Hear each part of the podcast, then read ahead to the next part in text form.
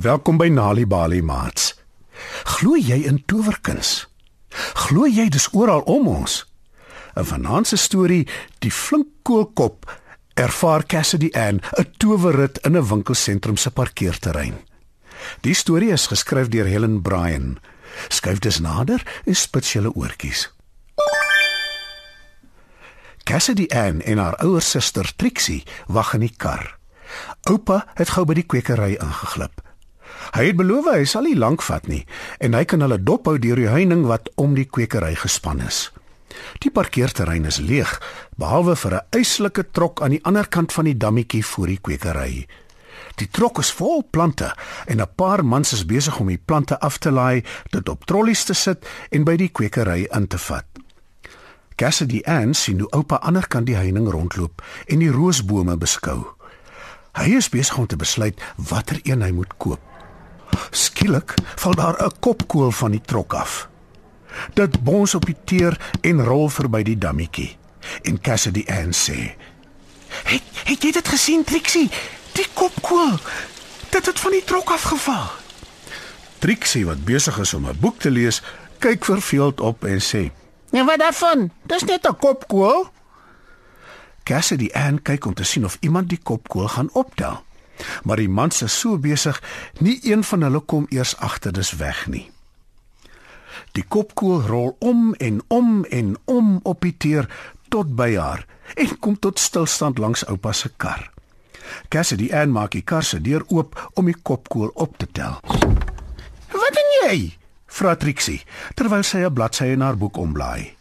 "Oupa het gesê ons moet in die kar bly." Cassidy Ann maak die kar se deur getoe toe. Toe sit sy daar in die kar en bekommer haar oor die kopkoel. Intussen klim die man terug in die trok. Cassidy Ann maak weer die kar se deur oop en sê: "Ek gaan net 'n klein entjie weg. Ek wil die kopkoel optel en vir die mans in die trok gee." Die mans maak reg om te vertrek. Hulle maak die trok se deure toe en skakel die engine aan. "Maak soos jy wil," sê Trixie.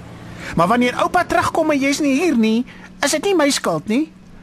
Cassidy Ann spring uit die kar, gryp die kopkoel en hardloop na die trok toe. Maar sy is te laat. Die trokdrywer sien haar nie en trek weg. Hy ry uit by die hek en daar staan Cassidy Ann alleen in die parkeerterrein met 'n eislike groot kopkoel in haar hande. Sy sê hardop: "Wat maak ek nou? Dis nie my kopkoel nie, maar ek kan dit ook nie teruggee nie."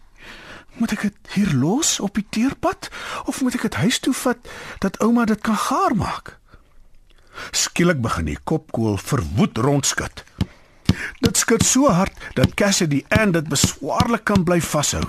Die kopkoel bons rond in haar arms en toe skielik dwarrel dit op in die lug en Cassidy and sy dwarrel saam.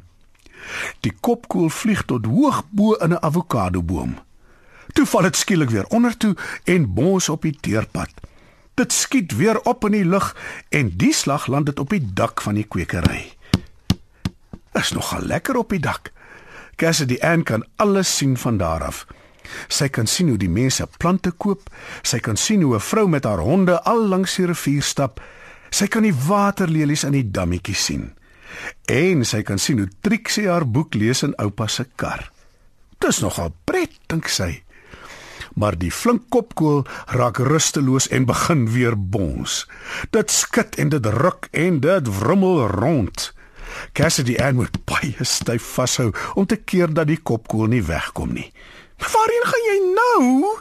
roep sy wanneer die kopkoel 1, 2, 3 keer in die lug opwarrel en weer afkom tot op die dak van die kwekery. Dit warrel weer op en land in die dammetjie.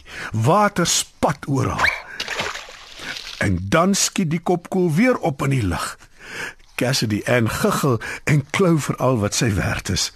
Dit land weer in die dammetjie. Water spat oral en 'n vrou met 'n bos blomme word sopnat gespat.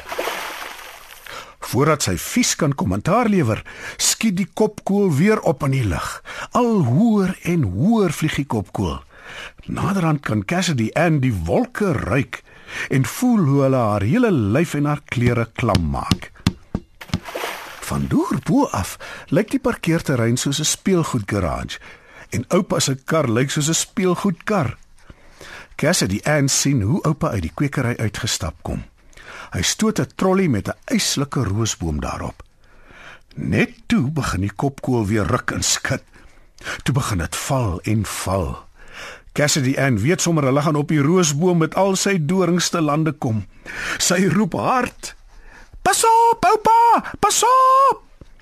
Oupa kyk op en roep: "Cassidy en wat op aarde maak jy? Hoekom vlieg jy deur die lug met Ah! Ooh! Eina! roep oupa en vang Cassidy aan in sy arms net voordat sy op die roosboom beland. Maar oupa verloor sy balans en val saam met Cassidy aan in die dammetjie. Gelukkig is dit nie baie vol nie. Maar 'n padda skrik om mors dood en spring vervaard uit die dammetjie. Die padda kwak hard. Oupa sit pens en potjies in die dammetjie met 'n waterlelieblaar op sy kop.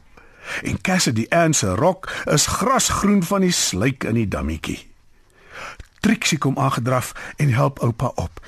"Wat het gebeur?" vra sy. "Hoe het julle albei in die dammetjie beland?" "Cassidy Ann het my ingestamp," sê oupa. "Ek dink dis wat gebeur het. Ek, ek kan nie so mooi onthou nie." Dit was 'n towerkopkoel. Dit het heeltyd op haar afgespring, verduidelik Cassidy Ann. Ek het dit vasgehou, toe spring dit op die dak en op die boom en vlieg hoog bo tussen die wolke met my. En toe val dit skielik af en ek land byna op die roosboom. Gelukkig het oupa my betyds gevang. Jy en jou verbeelding, sê Trixie. Al wat jy eintlik is, is stout. En verder jok jy. Volgende keer beter jy luister en maak soos ek sê. Jy moes in die kar gebly het. Cassidy Ernest afhaal. Sy wil vir hulle wys sy jok nie. Sy kyk om haar rond op soek na die kopkoel. Maar dis skoon veld. Sy kyk en kyk en ja, daar sien sy die flank kopkoel hoog bo in die lug. Dit lyk soos 'n groot, vet, ronde groen voël wat rondspring tussen die wolke. "Daar's dit," sê sy. "Daarbo, kyk." Oupa lag lekker, maar hy is nie kwaad vir haar nie. Hy lag nog steeds heelpad huis toe oor Cassidy Ann se vergesogte storie. En Cassidy Ann, sy glimlag, want sy het 'n towerervaring gehad. Het jy geweet deur vir kinders tuistories te vertel, help jy hulle om beter leerders op skool te word? Vir meer stories om vir kinders voor te lees of vir kinders om self te lees, besoek ons by www.nalibali.mobi op jou selfoon. Daar sal jy heelwat stories in verskeie tale absoluut gratis kry. Jy sal ook wenke kry oor hoe om stories vir kinders te lees en met hulle te deel sodat hulle hulle volle potensiaal kan ontwikkel. Story Power bring dit huis toe. Kyk ook uit vir die Nali Bali byla met heerlike stories en aktiwiteite beskikbaar in KwaZulu-Natal, Sunday World, Engels en isiZulu. Gauteng, Sunday World, Engels en isiZulu. Vrystaat, Sunday World, Engels en Sesotho.